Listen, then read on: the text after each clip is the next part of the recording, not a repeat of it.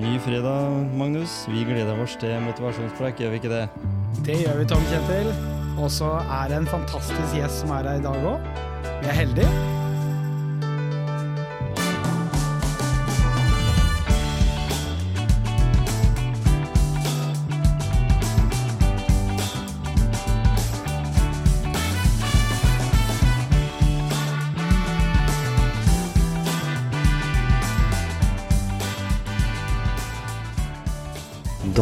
Jeg si at uh, jeg har kommet meg etter hvert i snøværet. Jeg skal ikke finne noen unnskyldning for å bruke lengre tid enn den regner noen ganger, men uh, jeg har kommet meg til uh, Nesoddtangen, og her treffer jeg Cato Zahl Pedersen. Velkommen til motivasjonspreik. Tusen takk for det, og velkommen til Nesodden. Ja. det verste været var ikke her. Det var mer enn når du skiller mellom Telemark og Vestfold, eller det som er ett fylke, Vestfold og Telemark. Der var det vinter.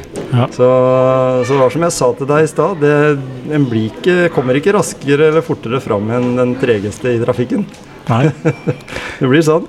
det er akkurat den svakeste ledd, eller Er den sånn? verste tanken. Ja. Det er liksom den eh, som drar deg i de Det som driver mange, det er jo dette her med å eh, Hva skal jeg si eh, Unngå flaskehalser. For det, det sinker års. Er du en sånn som unngår flaskehalser? i høyeste grad. Ja. Jeg kjører uh, gjerne en mil omvei, jeg, for å slippe kø. ja. Du kommer jo omtrent samtidig frem, men du er i flyt. Du Ja, kjører. Og så slipper du det her å få det høye blodtrykket. Ja, jeg, jeg, jeg slår meg til ro med det, men jeg, jeg, blir ras, jeg er litt sånn allikevel rastløs. Så jeg kjører uh, utenom. For du, du jobber jo ikke her på Nesodden.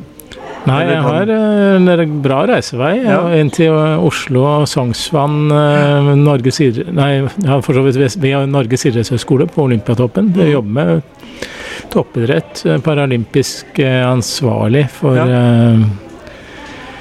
for utviklingen av toppidretten i, i Norge. Mm. Og det må jeg jo si at eh, nå har jo jeg fulgt uh, handikapsporten i, i og med at jeg har hatt noen år jeg jobba også med trafikkskadde og, og sånn, så, så har jeg liksom hatt uh, Men når du uh, Hvis vi spoler tilbake, du er født i 1959. Ja. Eh, du har, eh, du har eh, fått eh, ekstremt mange gull og, og et sølv, fant jeg ut av. 13 gullmedaljer, er det ikke det? 13 gull og 1 sølv. Ja. Hva var det du gjorde feil den gangen du fikk sølv? Ja, eh, så har jeg 17 starter, så jeg har vel tre jeg, har vel tre jeg gjorde veldig feil i 84, som vi lærte mye av. Ja. Eh, men den sølvmedaljen, det var rett og slett en hengkant på Robolhenget i i Lillehammer Mm. i 1994, hvor jeg i, det er da når du begynner å tenke, vet du. Ikke sant? du skal ikke, det skal komme automatisk, du vet hva du skal gjøre. Men av en eller annen grunn så slo tanken inn, og så skulle jeg på en måte kontrollere. Mm. Da plutselig begynner ja, det å gjøre litt ekstra sving, eller Ja, ja. Og da havna jeg Da var jeg ikke på skjær over hengkanten, og da havner du liksom litt for langt ned under hengkanten, og så ble man for seint inn i neste sving, og dermed så gikk det 0,6 tideler. Og så og så var det sånn altså du, du begynte jo med idrett ganske tidlig. Det må man jo si. altså Toppidrett på, på ditt nivå, da. Fordi du var jo på en måte Fortell litt grann om det som skjedde når du var 14 år, i 1973. Det må vi ta helt først. Ja, men jeg, helt, helt først så, så, så er, er jeg da etter gammel skoleregning en syvendeklassing. Det ville vært åttendeklassing i dag. Som eh, på slutten av tampen av året eh, med noen pluss i mange fag, og med sløyd som hovedfag, og Ja, fantastisk bord som snart var ferdig, skulle til hytta. Og så holder vi på å bygge hytte med noen venner i skogen. Eller kamerater, heter det på den tida. og så er det søndag kveld, jeg har rydda ferdig, vi skulle ligge over helga etter, og så så jeg fantastisk lyd over skauen. Her på Nesodden innover mot Oslo. Oslo-lyset som eh, lyser opp. Og så tenkte jeg at det så fint ut, jeg vil gjerne opp og se på det. Og så var det en høyspenttrasé ja, rett i, ved hytta. Så klatra jeg opp i den.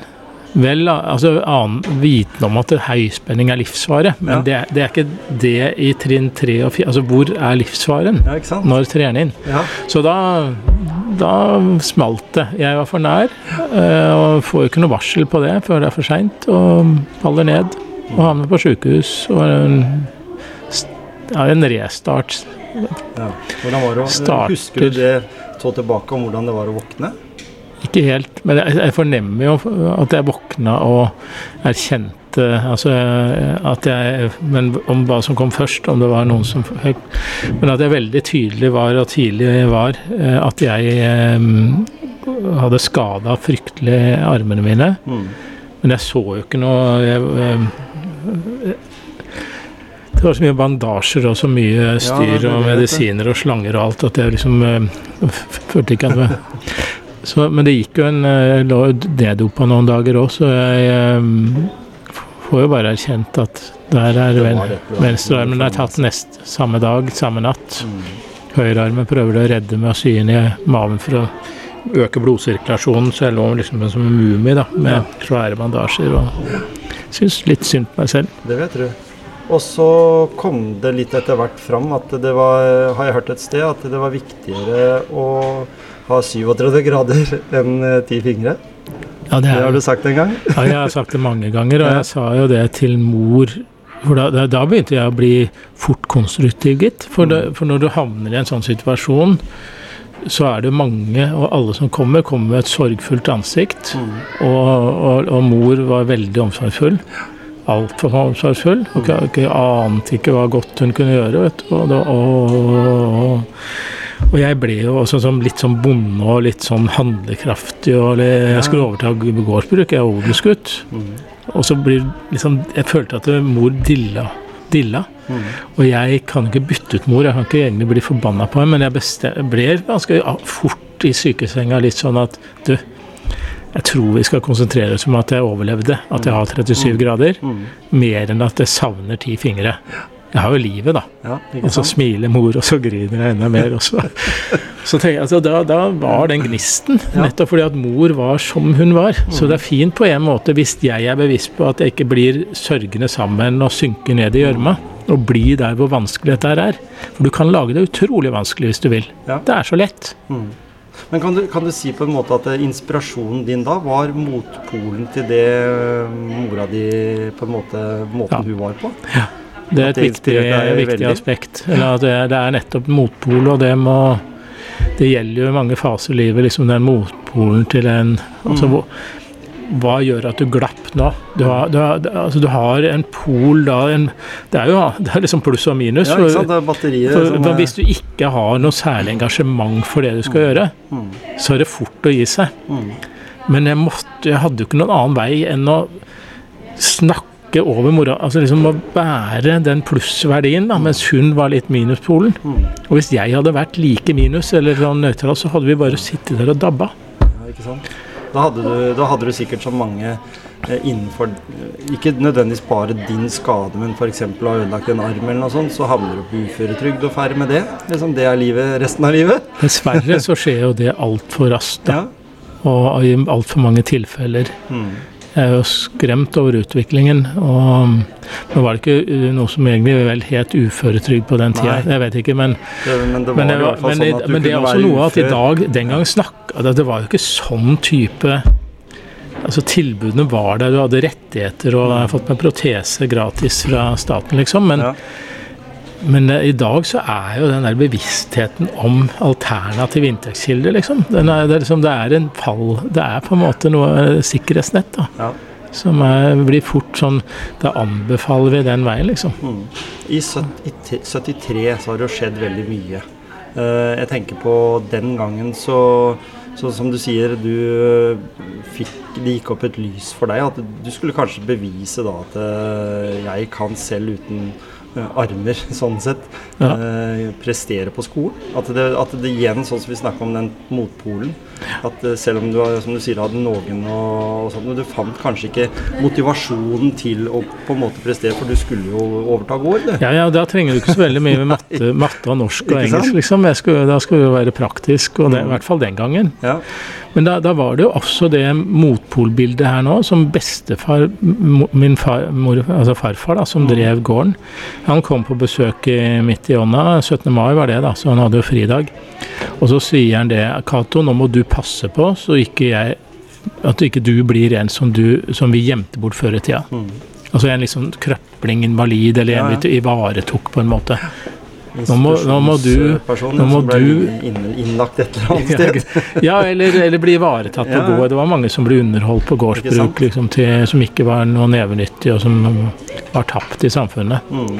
Pass på at du ikke blir en som dem, og begynn å bruke huet sånn. Mm. Og så overtar lillebror bruket, og så begynte jeg å grine, og så skjønte jeg at det var en pol jeg trengte òg, da. Ja. Altså liksom begynn å bruke huet, da. Mm. Jeg hadde jo bare ikke funnet motivasjonen. Eller, hvorfor er det viktig? Og i dag så er det jo viktig, for det er, det er så åpenbart i alle kanaler at det er viktig å ha med seg videre. Altså det, det fantastiske tilbudet norsk, eh, Norge byr på med gratis undervisning, og gratis langt inn i universitets, litt avhengig av hva du velger, da.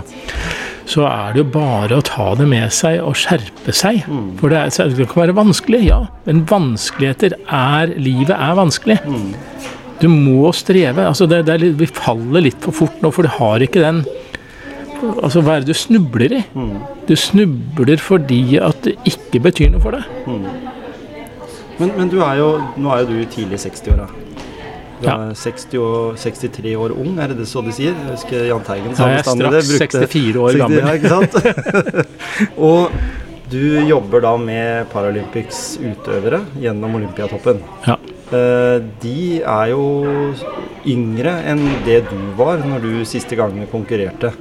Det er jo unge mennesker som i dag kan selv med handikap gå på toppidrettsgymnas eller få en idrettslig bakgrunn og kunne drive med toppidrett. Vi ser jo, vi er jo det er jo ikke bare vinteridrett vi hevder oss i, men vi har jo verdens raskeste på, på, i løping. som, Løping øh, og roing og Ja. Så vi hevder oss der, ikke sant? og bordtennis Ja, alle de idrettene som vi Ja, før var liksom langt, langt unna. Det var jo veldig opplagt at eh, langrenn det kunne vi greie om vi hadde manglet armer eller bein, kanskje. Det var liksom på 80- og 90-tallet, jeg vet ikke. Men vi, vi, også hadde vi noen år som det var litt stille. Ja. Da jobba ikke du i eh, Olympiatoppen, men da jobba du med andre prosjekter. For du har Ja. jo bygd opp et rehabiliteringssenter, annet. ja, ja.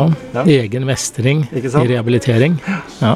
Det er jo som eh, musikk i mine ører, det å jobbe med rehabiliterings, og spesielt kanskje modeller som, hvis den også har eh, de samme verdier som du presenterer her, med at eh, Det det det de går noe på det der med å kunne føle at du kan mestre. De er jo, konseptet er jo basert litt sånn på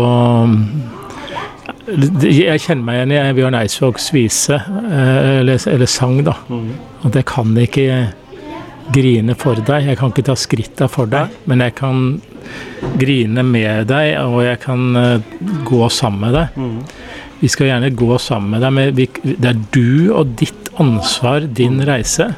Vi kan være en støttespiller, og vi skal ikke komme med noen kjappe løsninger, eller vi skal ikke mene så mye, men vi må gi input til å gi begeistring at du finner din vei. Og Det er samme som å finne motivasjon til å skjerpe seg på skolen for alle de som faller utenom. Det er egentlig ganske enkle grep, men vi famler etter, vi leter etter store reformer og de store liksom, løsningene, og så er det skjære meg liksom, Hvor er bestefar som kan si noe til, til disse barna? Eller hvor er, hvem er det som bryr seg om at dette er viktig, gutt eller jente? Og der eh, har du, har, du, har du tatt med deg noe av det sånn at du lar de unge da, utøverne i Olympiatoppen lytte til en mann i 60-åra? Jeg er jo 55 sjøl og har jo barn, eh, og det har du jo sjøl også, sånn i 30-åra, liksom. Og tenker på at eh, noen som er ti år yngre enn det igjen, skal liksom lytte til han. Ja. Du har jo en CV som er utrolig lang og og på en innholdsrik. da, sånn at Hvis Ja. du er litt idretts- eller aktiv, interessert i litt aktiviteter og prestasjoner, så, så finner du fort ut at du betyr noe. Men det er jo akkurat som du spør en ung gutt på, på 18 i dag hvem Egil Drill Olsen er, så er det ikke sikkert han hun vet helt hvem det er. Nei, men jeg er sånn sett veldig heldig og privilegert å få lov, som jobbe med ja, dagens og morgendagens utøvere. Men jeg, jeg opplever jo at de lytter til og det, det er ikke først og fremst meg de setter seg ned med. eller at jeg, jeg har ikke så mye sånn direkte med utøverne å gjøre. Jeg har mer med systemet og, og rammene. Men det er jo liksom på en måte jeg tenker at jeg undres jo også Altså at ingen At det er noe som konkret liksom, så, hva, hva, hva gjør du? Hva, gjør du? hva gjorde du, eller hva tenkte du Det er ikke så veldig mye av det. De spør de som var gårsdagens vinnere, ikke disse som Jeg sitter midt oppi det, men det er jo også fordi jeg ikke har den direkte kontakten. Men de merker jo at de, de, de, At de er jo liksom De vet jo hva jeg har gjort. De, men så vet vi også at det er forskjell på Jesper Saltvik Pedersen i alpint i dag og på meg. Ja.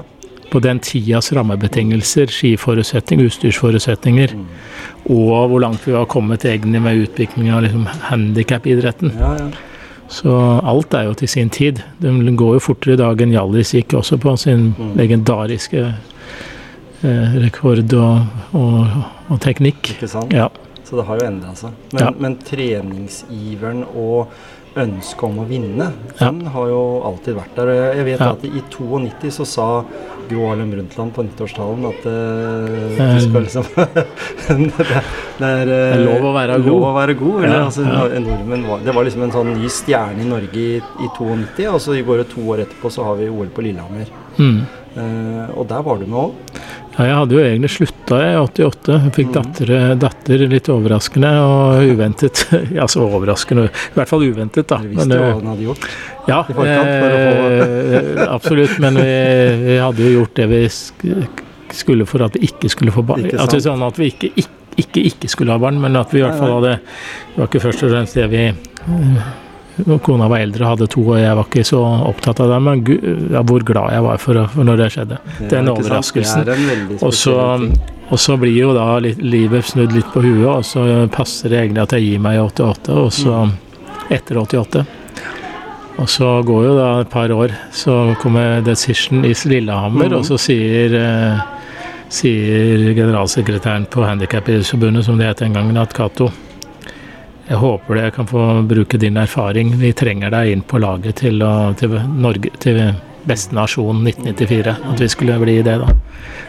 Og da fikk jeg til det, med jobb gjensidig, permisjon med nødvendig avklaring med dattera som var med barnehagenivå og ble med på en måte til Hemsedal og trente og var på skiskolen der mens jeg trente. Og, så alt ble veldig, veldig, veldig bra skrudd sammen for at jeg skal kunne prestere og være familiefar og til dels jobbe. Og en motivator for mange av de andre utøverne nå, fordi du hadde den erfaringa du hadde. Ja, da var det en rolle på Ja, en måte hvor du gikk inn sammen med Jeg husker Ingolf Mork, som veldig mange heller ikke har hørt om, men han var en veldig god norsk hopper.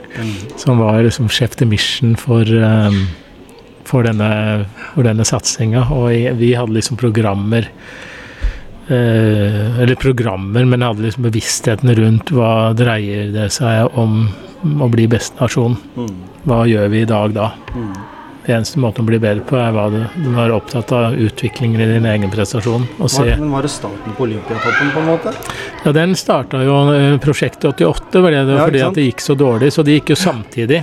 Mm. Så Tor Ole Rimjordet, som liksom er Olympiatoppens far, han også var jo involvert inn Mm. sammen med meg og Ingolf og, og andre. eh, Jeg var ikke så sentral, jeg var først og fremst utøver, men jeg var en av de erfarne videre. Mm. Det var flere som var erfarne, og at vi liksom jobba veldig sammen for å begeistre oss på veien til å, å spisse treninga. da, og, og, skjerpe oss og er vi egentlig trenger å bli gode på.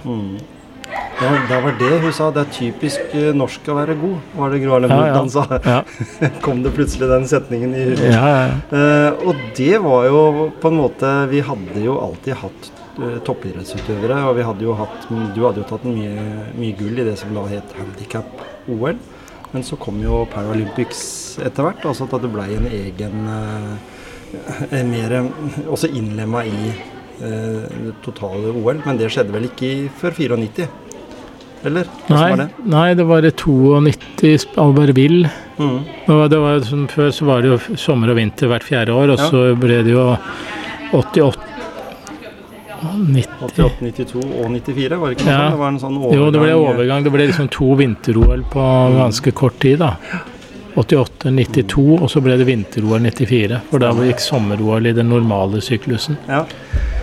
Så ja, hva var det, det hva, være- hva var det vi snakket om? Nei, det som var, det var at jeg, ja, ikke sant? Men jeg tenkte da, når, når du fikk den rollen i Ja. eh, OL på Lillehammer, det var spesielt at Norge hadde et OL igjen. Vi hadde jo ikke hatt det siden Oslo. Så, så, dette her var stort for Norge. Ja, ja. Uh, og man diskuterer jo kostnadene på det i dag, men hvis vi sammenligner med fotball-VM i Qatar, så, så, er det jo ikke noen ting. Det var et lite, var jo et sånt lite fislearrangement, egentlig, men det var enormt stort. Jeg husker det sjøl. Norge, fikk jo masse igjen for OL, da. Altså mm. med både infrastrukturen og veier og og hele det, hva det har betydd, var i hvert fall i den, den, den generasjon, disse generasjonene som lever i dag, som husker OL det, er, det, det, gjør noe med, med, oss, og det er en langtidshistorievirkning. I at, uh, og, vi, og, vi, var beste nasjon i OL og PL. Mm. Det, og idrett, toppidrett i Norge, er jo viktig. Mm. Altså, la, så jeg eh, kan ikke Jeg tror ikke det er sånn at det regnskapet skulle på noen måte gå i minus hvis jeg hadde gjort en regnskap igjen. Jeg husker jeg jobba i mobilbransjen en gang. og Da var det sånn at det, eh, det kom en del amerikanske turister og skulle jo se OL i Norge. Og der hadde jo de begynt å utvikle GSM, altså digital mobilteknologi. Og Norge blei jo da et land som skulle utbygge det ganske raskt. Da, mm. Fordi de måtte jo kunne kommunisere med telefonene sine, de som kom fra, ja. fra de landa der. Og vi, vi hadde jo veitrasé. Vi begynte vel med veisalting, bl.a. For å kunne slippe fram folk som ikke var så trygge på vinterføre. Ja, ja. Det var mange sånne mange. nye nyvinninger akkurat i 94. Ja, og internettet var jo omtrent Altså, det var jo ikke noe indirekte Det var ikke noe for publikum, noe internettløsning i 94. Nei da.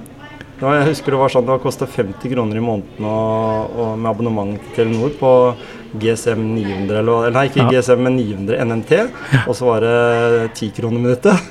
det ja, det er sånn kasse mellom ja, setene i bilen. Jeg. Eh, ja. Og det brått da, husker jeg, det var i 94, da begynte vi å selge håndholdte telefoner fra Motorola, amerikanske, og, og, det var jo der det kom stort sett fra de største mobile mobilen. Ja, det var litt av en tid. Og det, var litt av en, litt av en verden.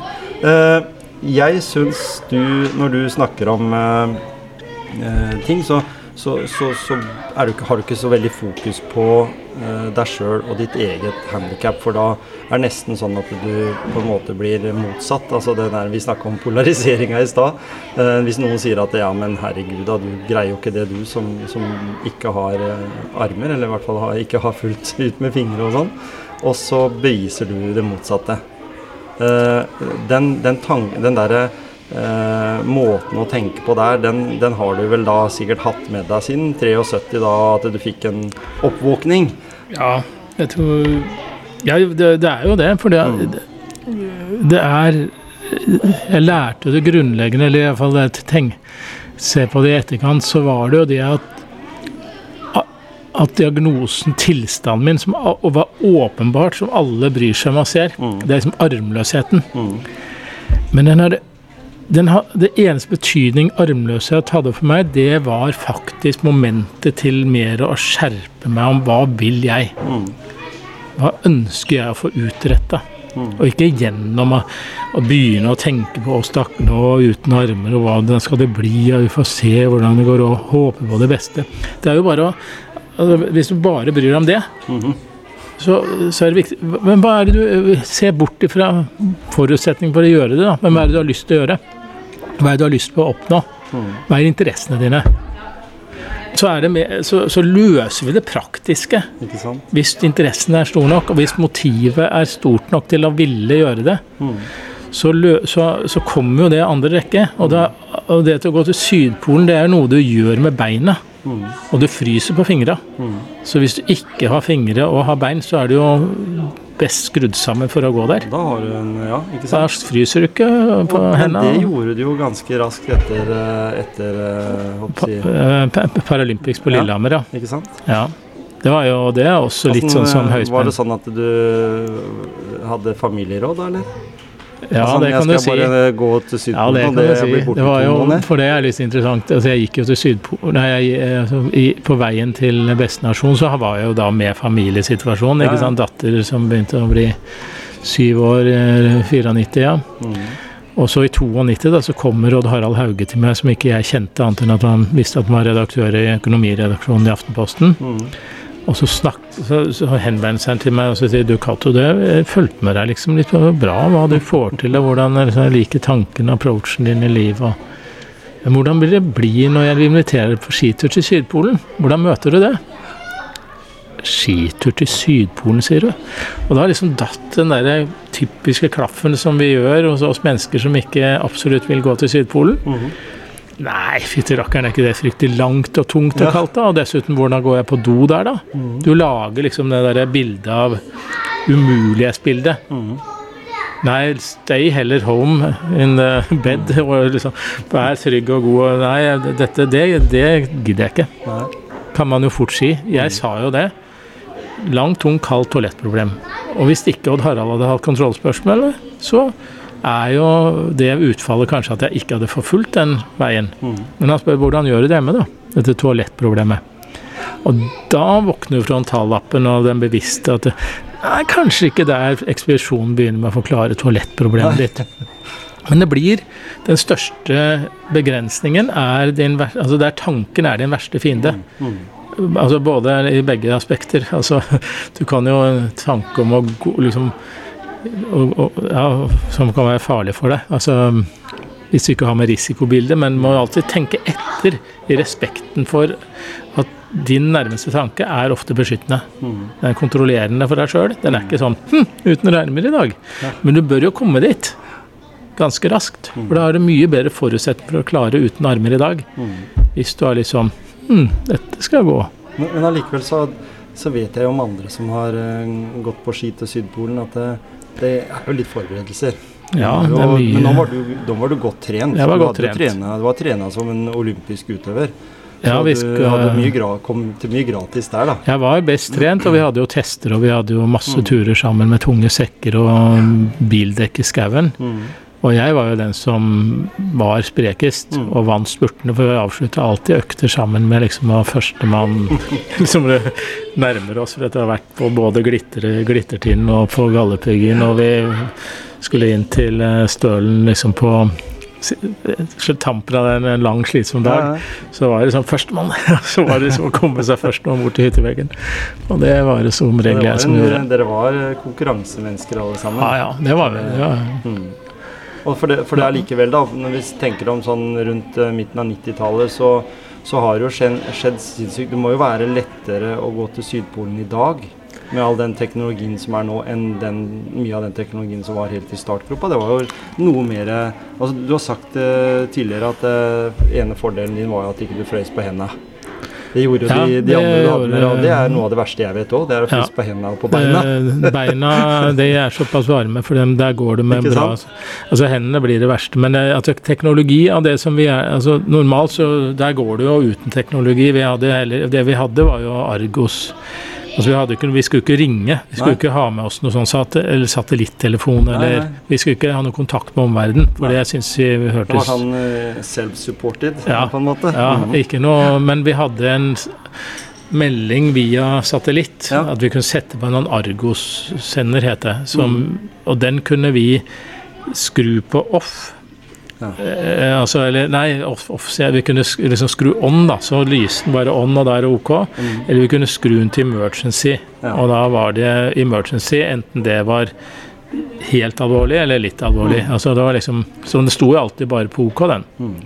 Selv om vi var liksom Altså, vi skal ikke melde hjem at vi er slitne, liksom. Og nå kan du jo se Så- på GPS at de, Ja, der sant. går de der, der altså, går de sånn, der, og der går de der også. Men det, det kan, det, til den tiden vi gikk i, så var det for så moderne. Vi hadde jo også litium-ion-batterier. Starten på det. Vi skulle Mm. teste ut disse batteriene, og vi skulle ha ladepakker med solcellepanel. Ja, ja. Men alt det ble altfor dårlig tid for tre ivrige karer som skulle ut, og, så det ble ikke noe av. Jeg skulle ha solcelleenergi fra solceller inn i å varme opp varmetråder i protesen, og men det ble det ikke. Jeg frøs jo på armen, jeg òg, da. Men det er litt større blodbaner der, så det er lettere å holde varmen. Nei, så det blir jo nettopp på kompetansen å gå inn med den, alle de som hadde gjort det før, eller alle, alle, men de får med seg hva er det dette dreier seg om. Vi skal gå i 1400 km. Vi skal holde på en par måneder. Du skal liksom bale med oppoverbakke hver dag, og du skal ha mat med nok, og du skal ha fyrstikker og doruller nok, og alt skal være tenkt på, og det skal ikke veie for mye. og Veldig spennende reise i nettopp den begrensningen, og se at du det er bra å se hvor lite du egentlig trenger. Du trenger jo ikke ti fingre i hverdagen heller. I hvert fall ikke i dag. Nei. Armer øy. Du, biler kjører jo selv. Folk sier til meg 'så fantastisk kjører du bil', Ja. sa de i 73 eller 78 når jeg fikk lappen. Det, det kan du skjønne på en måte, for da var det jo automatgir var litt luksus. og Blinklys og dimbryter og alt som du skulle Alle spaker og alt som var fingrene. I dag er det lysassistenter, automatgir og brems... Det. Det, det er liksom veldig enkelt. Og fortsatt så står vi med dilemmaet at kropp vurderes så sterkt på sånn skala av hva du kan, eller og så blir liksom anseelsen at Cato blir stilt mindre forventninger og krav til. Han får ukepenger uten å gjøre noe. Det er dypt urettferdig. Og helt feil strategi fra en forelder som skal tenke at du skal, det barnet skal stå aleine. Du kan ikke gå og gjete ungene dine. Du kan ikke gå Nå snakka jeg litt bevisst på det, da. For i dag gjør man det. Mm. Vi går jo foran, vi, vi reduserer bare ubehag, og vi gjør det så enkelt som mulig, og ringer til rektor, og vi ordner og vi styrer. Mm. Og det er, ja, det er kortsiktig lykke eller løsning. Ja. Det bærer ikke godt med seg, det. Men, men når du sier det, tenker du det at eh, at en bør på en måte gi, bygge opp litt mer selvstendighet hos eh, Ja. barn og unge? Ja, Mm. altfor lite av det i dag. Ja. De er så selvstendige at de det, Men altså, de, er, de er blitt også så selvstendige at de, de, de klikker jo sammen. Altså de, de får lov å Foreldrestemme og lærerstemmer er liksom underdimensjonert i dag til at det er ungdomsstemmen og, og stammespråket som betyr noe. Og det er jo mange som faller litt utenfor, og så blir man sy. Så tåler man ikke det. Forventningspress. Så er det ingen kalibrering med, hva, med foreldre, med, med, med lærere. Altså vi, det, blir, det er liksom polarisert. Jeg syns, ser noen trekk i dag som blir liksom at vi skal være like kule som unga, og så skal vi, helst, så skal vi behandle dem som voksne. Men de er ikke voksne. De trenger å bli liksom Hallo! Ja, Nå, nå, eh, nå, nå, er det, nå er det nok. Du blir hjemme. hjemme. Altså, det tar den langtidsvirkninga. Akkurat som å gjøre på bikkje med god oppdragelse, så kan du ikke sluntre. Eh, Sånn som jeg ser i hvert fall da, når, når du eh, mennesker som, eller unge mennesker da, som sliter med rus, vi snakker om psykiatri, altså veldig, veldig lett. Jeg, jeg har snakka tidligere med noen som sier at det, det er stor forskjell mellom det å være engstelig og ha angst, eller det å Ja. være lei seg eller deprimert. Det er liksom Ja. store kontraster.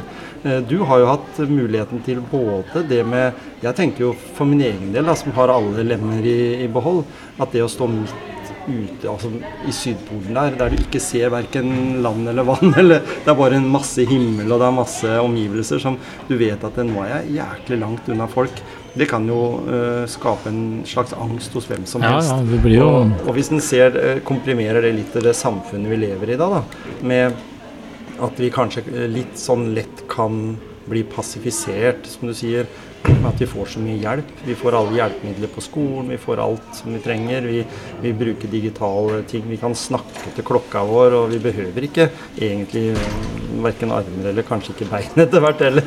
Nei, bare- og så Vi trenger hjernen. Vi trenger hjernen, og så blir den mer en sånn der informasjon Den blir ikke satt kanskje så skikkelig på prøve heller, for, den blir mer Vi, underholdes, eller vi, vi søker Vi trenger ikke å huske noe. Vi trenger, så alt er så tilgjengelig med Mm. kasser og hjelpemidler rundt, men ehm, ja, det er i hvert fall noe trekk, utvikling i samfunnet, som både på utstyr og teknologi og sånn. Jeg er glad det ikke er alt når vi gikk til Sydpolen, at det var altfor mye sånn skulle, at det, det er en reise i solat, Mm. i sykesenga. Mm. Det de holder på med i, i um, Lauritzen, Kompani ja. Lauritzen, gruppe 1. De som, Mm. liksom, de, de som ikke var åpenbare og skulle bli tatt ut. Mm. Som nå har satt der. Ja. Det er så herlig å se hvordan de er satt der og egentlig ikke kan stikke av. De har eh, i hvert fall ikke noen hjelpemidler, og de er bare underlagt en sterkt justis. Og, Mm. og det gjør dem godt. Og de liker det på sikt. Mm. De, utra, de uttaler å bli hissig og maken til oppførsel fra fenriken og alt. Men det er liksom den Ja, kom med det. Mm. Men det, bry, det betyr ikke en noen ting for, altså, Det betyr ikke noe. Bare si, bare si det, bare si det. Men det er bare, For det er ikke de rammene som gjelder her. Nei, men- Nå skal du men- høre på meg, Ja, ikke sant? Og så blir det sånn. Men når du, har, når du har den settingen der I i dag så er jo veldig Altså, Vi ville vel sagt det, vi som har vokst opp da på 70-tallet, og sånn, at eh, ikke vær så hårsår, da. Er vi litt hårsåre? Er vi mennesker li- blitt litt sånn at vi tåler litt lite?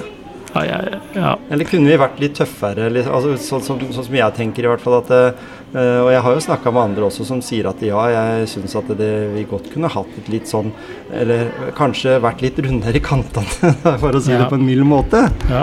Tenker jeg da.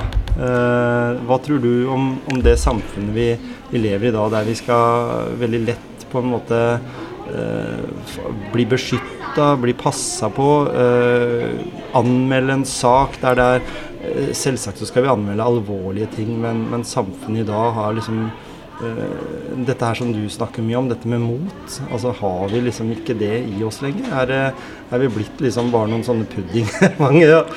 Ja, nå setter, setter spørsmål liksom litt på Det er litt sånn spissa spørsmål. Er vi blitt puddinger, så skal Ja. jeg svare liksom ja.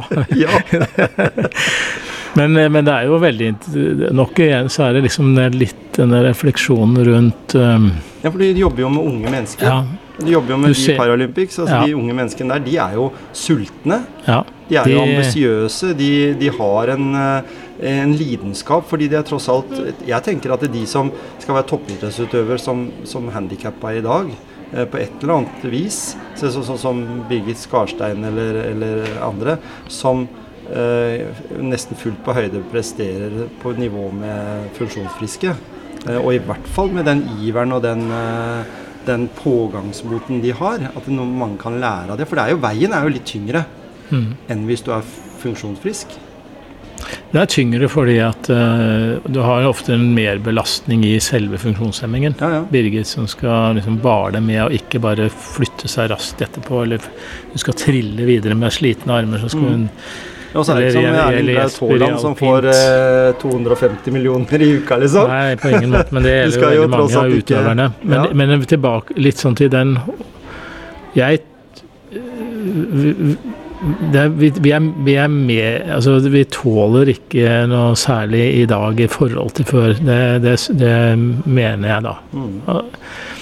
Når du Altså på, hva, på reaksjoner i dag. Men det, den gangen så var det jo heller ikke noen kanaler å få det. Vi hadde jo ikke noe nett. Det var jo ikke noen Du kunne skrike ut i gata, eller du kunne liksom dele det med noen i gata. Men det spredde seg ikke ut i ver verdensrommet eller inn i eteren, eller I dag kan vi liksom la det, det, blir jo så prega av at stemmen du hører, de er så nære deg til å ødelegge deg på en måte, eller gjøre deg Ja, nettopp hårsår til at du reagerer du bare prøver, For det er så tett. Hvis jeg hadde stått 20 gutter utafor trappa mi, så hadde jeg så Men de, de er ikke der. De, de er spredd, og jeg ser dem ikke i hverdagen. Men de gutta de er på mobilen, er på trappa di på en måte på De er tett på deg og kan mene noe om deg som gjør at du knekker sammen. Men det greide man ikke kanskje før, for de 20 var ikke samla. Du, du, du, fikk den stemmen litt sånn indirekte, eller du løp litt fra den. eller sånn. Han far sa at jeg, jeg kan ikke gå til, jeg vil ikke gå til foreldrene og stoppe Espen i at han mobber deg. For han var liksom stygg og hardhendt og slo litt og sånn, for han syntes jeg kom, fikk mye oppmerksomhet. da, Mista armen og fikk så mye oppmerksomhet. Han var tøffest, liksom. Og så, så driver han og så sier jeg, tror bare med å prøve å gå rundt eller løpe fort nok, sa far. For det vil gå over. Jeg tror ikke, det er ikke nødvendigvis I det lange løp så er det nok ikke han som kommer best ut av det. sånn.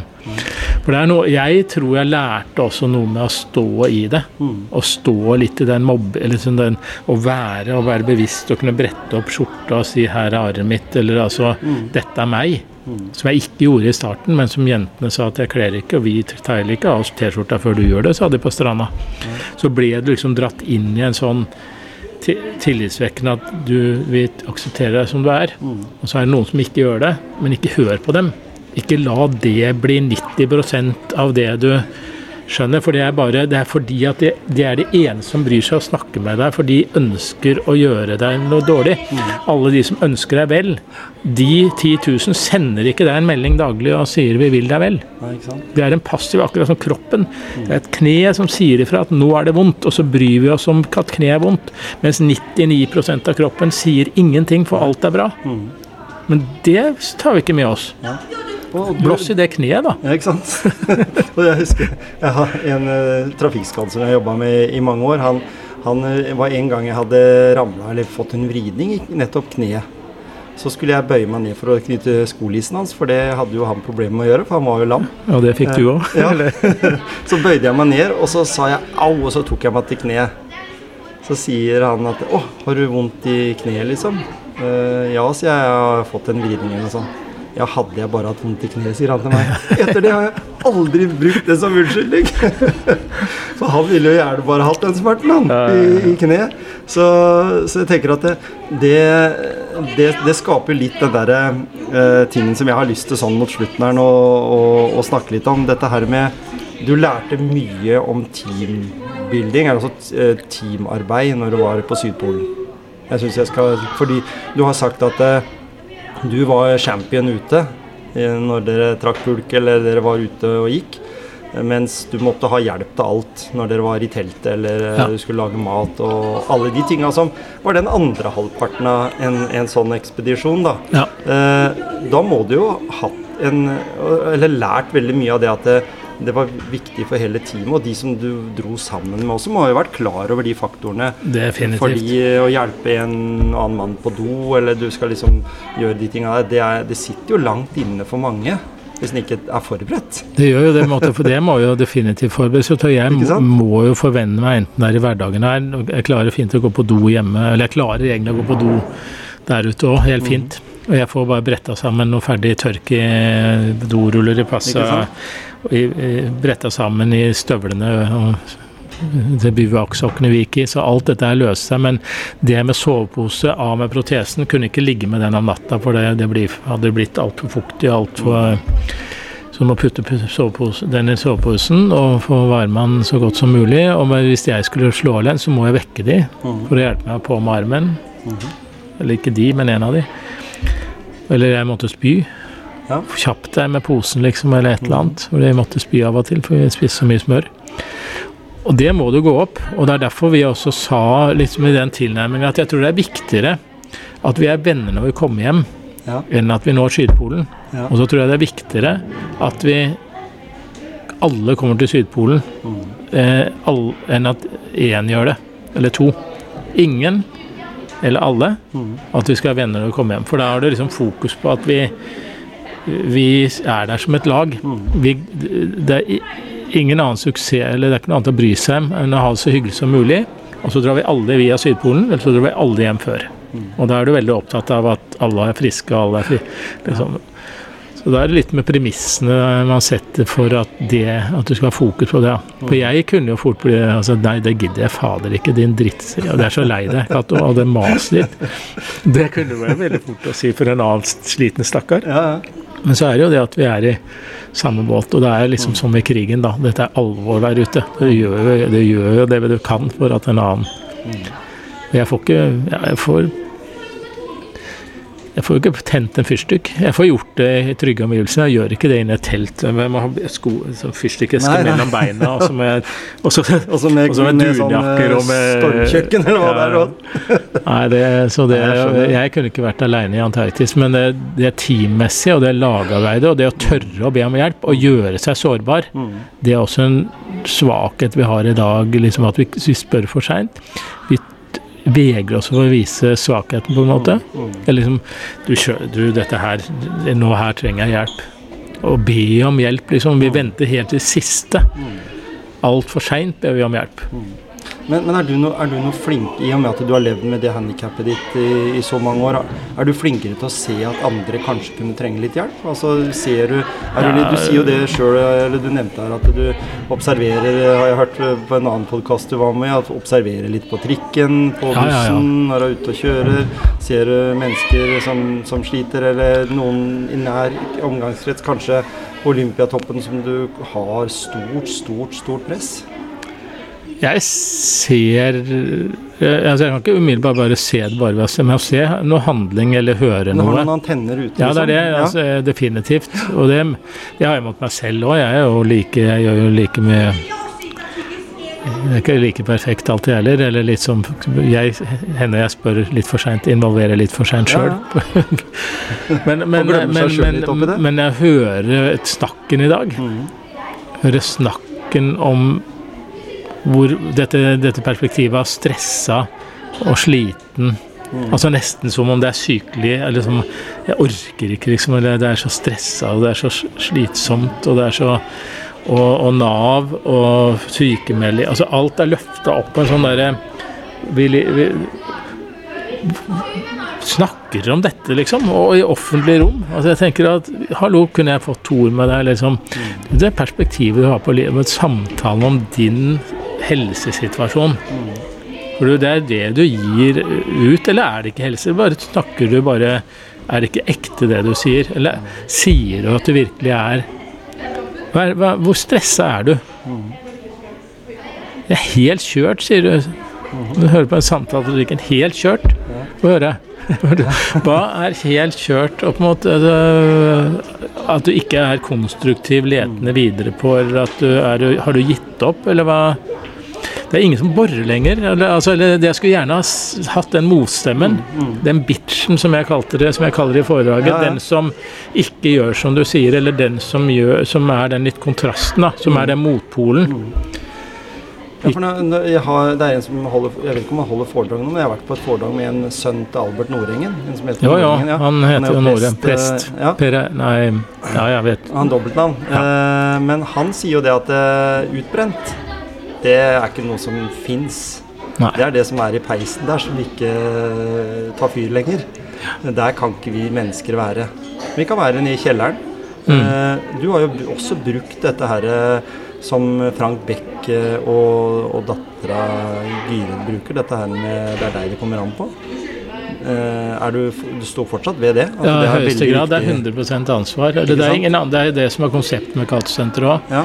Egen mestring og rehabilitering. Det er, mm. det er, det er vedkommendes reise. Ja. Og det er meg det kommer an på. Mm. Men jeg er avhengig og, og gått med mange rundt og andre rundt. Mm. Ja, Frank og jeg vi, vi snakka jo om den boka, og det er jo jeg som er avbilda i den. Ja, ikke sant? Jeg husker gjennom, det var eh, koblinger der. Ja. Så du, det var en herlig fyr. Jeg tror jeg var et par foredrag med han, og det, ja, ja. jeg husker det enda. Så, men jeg tror vi kunne ha prata i, I timevis om coaching og om muligheter og ja, universell utforming, og det er mange ting vi kunne ha snakka om. Men øh, kanskje vi kan ta igjen det en annen gang, hvis, det, hvis vi går enda dypere inn i den det materien. Vi, vi, har jo på en måte gått litt sånn dypt og vi har sprunget, men jeg syns ja. vi har fått med oss i hvert fall innom Hvis man snakker om Du driver motivasjons... Uh, jeg har jo motivasjonspreik, så, ja, så jeg, og det jeg tenker at motivasjonen må være til at uh, Jeg vil gjerne ha sagt at Tenk litt etter selv hva du sier til deg selv, mm. og hva du sier til andre. Mm. Og finn deg en som kan utfordre deg. Mm. Altså det er en sånn bestefar som sier at nå, nå, du slutt, nå må du begynne å bruke huet. Ja. og Pass på så du ikke blir en som vi gjemte bort. Mm. Skjerp deg, gutt. Ikke sant? Liksom den, det er noe av det grunntonen av det vi har snakka om. Mm. Og det er og en motivasjon i seg sjøl. Valget i det å være i at det er meg det kommer an på, og mm. nå gjelder det. Og nå gjelder det med 37 grader, og mm. ikke, ikke fordi du ikke har ti fingre. Og altså. prøve å være så tøff du kan være. Og så ja. ikke gi opp før du har liksom prøvd å være litt tøff, da. Og så tøff du kan være, har ingenting med terskelen til hvor, hvem andre, hvor tøffe de er, eller hvor tøffe at den speilingen er sånn må jeg også være. Du må ikke det. Det er bare noe sånn selvpålagt, nedbrytende greier. Mm. For jeg er så tøff som jeg er, og dette er mitt beste.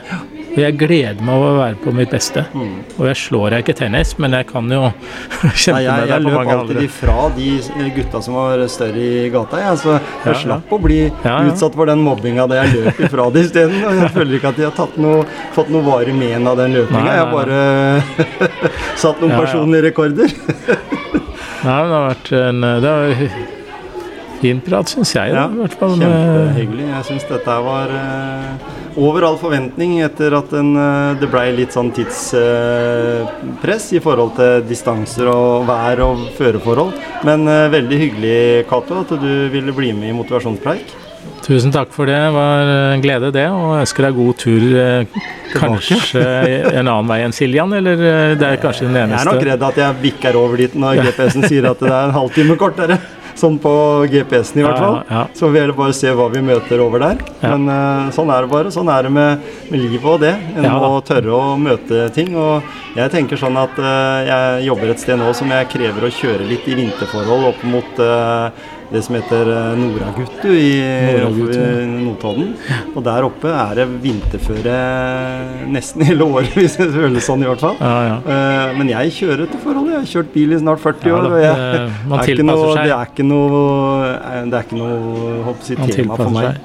Så tusen takk for at du tok turen her. Og det var veldig hyggelig å komme hit der her du hører til, og få besøkt deg. Takk for det.